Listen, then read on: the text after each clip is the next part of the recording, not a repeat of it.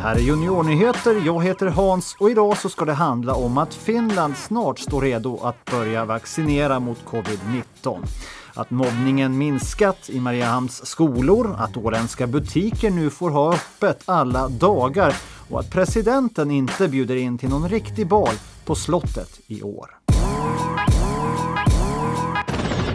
Här på Åland kommer vi allt närmare ett vaccin mot covid-19. Om allt går som det ska så kan vårdpersonal, gamla människor och andra som riskerar att bli riktigt sjuka av coronaviruset börja vaccineras redan nästa månad. Vi får ju inte alla vaccindoser genast och inte heller från alla tillverkare samtidigt. Och det betyder att det kommer att finnas en ganska lång period under vilken de här vaccineringarna kommer att utföras. Och eftersom hälsovårdspersonalen är, är livsviktig för att vi ska kunna sköta de som insjuknar så startar vaccineringarna med att vaccinera hälsovårdspersonalen och sen efter det så går man till riskgrupperna. Det sa Mika Salminen som arbetar som hälsosäkerhetschef i Finland. Enligt honom kan det dröja ett år innan alla som vill i Finland har hunnit vaccineras. Det beror såklart på att alla i hela världen vill ha ett säkert och effektivt vaccin så fort som möjligt. Ja, helst nu och helst samtidigt. Det går ju inte riktigt eftersom det måste hinnas tillverkas tillräckligt många färdigtestade vaccin först innan alla kan få det. Men när ett vaccin har testats färdigt och godkänts kan det börja säljas här i Europa. Och då är det EU som köper upp vacciner från en eller troligtvis flera tillverkare för att sedan fördela det rättvist mellan sina medlemsländer. I Finland är vi ungefär 5,5 miljoner människor. I Tyskland bor det 83 miljoner. Det betyder till exempel att Tyskland kommer få många fler vaccinationsdoser till en början eftersom behovet är större där. De har många fler som jobbar inom vården och många fler som är äldre och riskgrupper. Tanken är alltså att inget land ska påbörja vaccinering av resten av sin befolkning innan alla länder har fått ett vaccin för alla som verkligen behöver det. Ännu är det lite oklart om barn alls ska vaccineras eftersom de allra flesta inte blir särskilt sjuka och för att det finns lite för lite forskning på barn och covid-19 vaccin.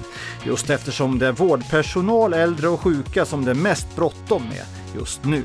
Vaccinet ska vara både avgiftsfritt och frivilligt så det betyder att alla kanske inte kommer att vilja ta ett vaccin.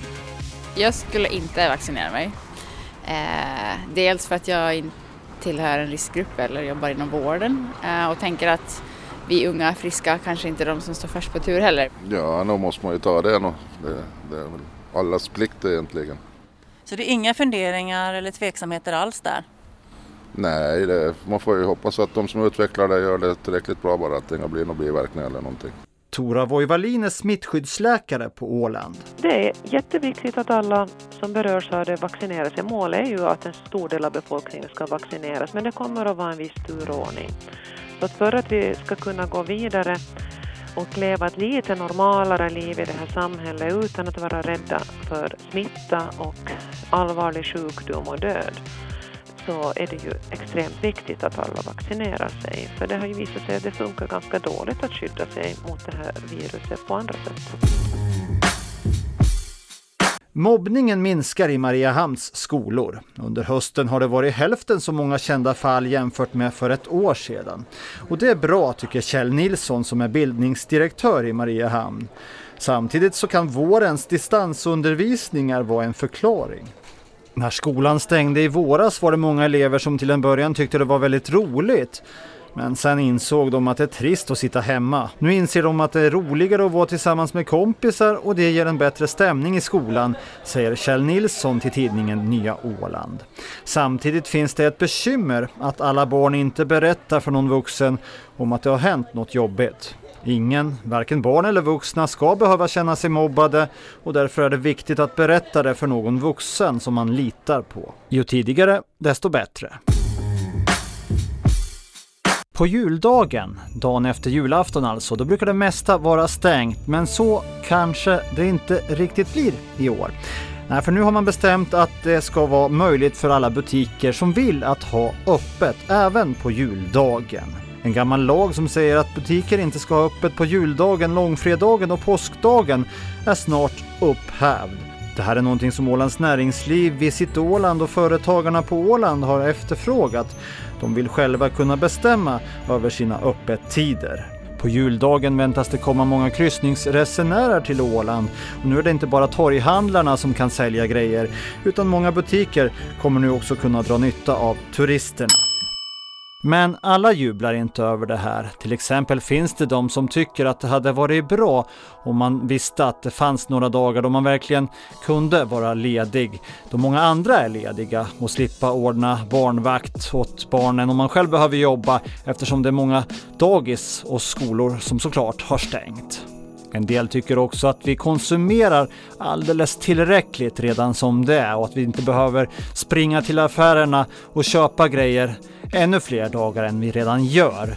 Samtidigt är det allt fler som köper saker via internet och det går ju att göra, ja, faktiskt vilken dag som helst, när som helst på dygnet.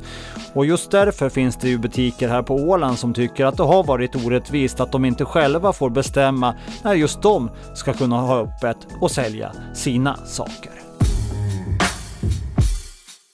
Fotbollslaget Åland United har fått nya priser. Under året så blev man ju både finska mästare i ligan och i kuppen och nu har spelaren Anni Mietonen blivit dubbelt prisad. Hon blev utsedd till årets bästa spelare i den nationella ligan och fick även priset som den bästa försvarsspelaren.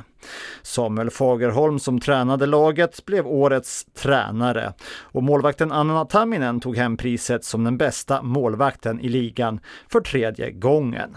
Och i veckan så spelade Finlands damlandslag en viktig match i EM-kvalet borta mot Skottland. Där var åländska Adelina Engman med, Åland Uniteds Anna Westerlund och Anna Tamminen var också med i truppen. Finland vann matchen med 1-0 och är nu riktigt nära att kvalificera sig till EM. Och det var ett riktigt konstigt mål som avgjorde matchen precis i slutet.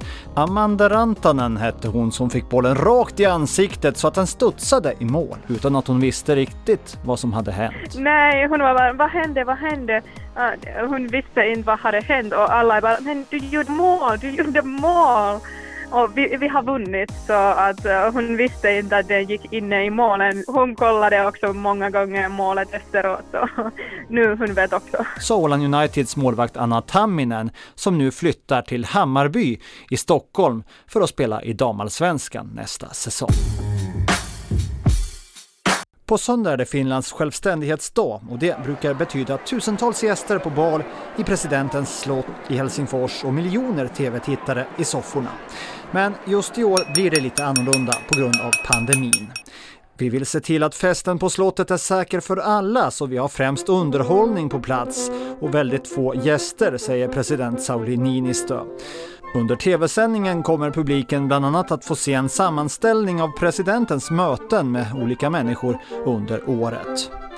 Men det här är inte första gången som självständighetsmottagningen blir lite annorlunda. Visste du att den första festmottagningen på slottet hölls redan år 1919, alltså två år efter att Finland blivit självständigt. Men det var långt ifrån samma fest som vi känner igen från TV. President Stålberg stod värd för en kaffebjudning på eftermiddagen som varade i ungefär en timme för ungefär 150 gäster. Men redan 1922 så var det en kvällsfest med omkring 1000 gäster och med dans och musik och sång.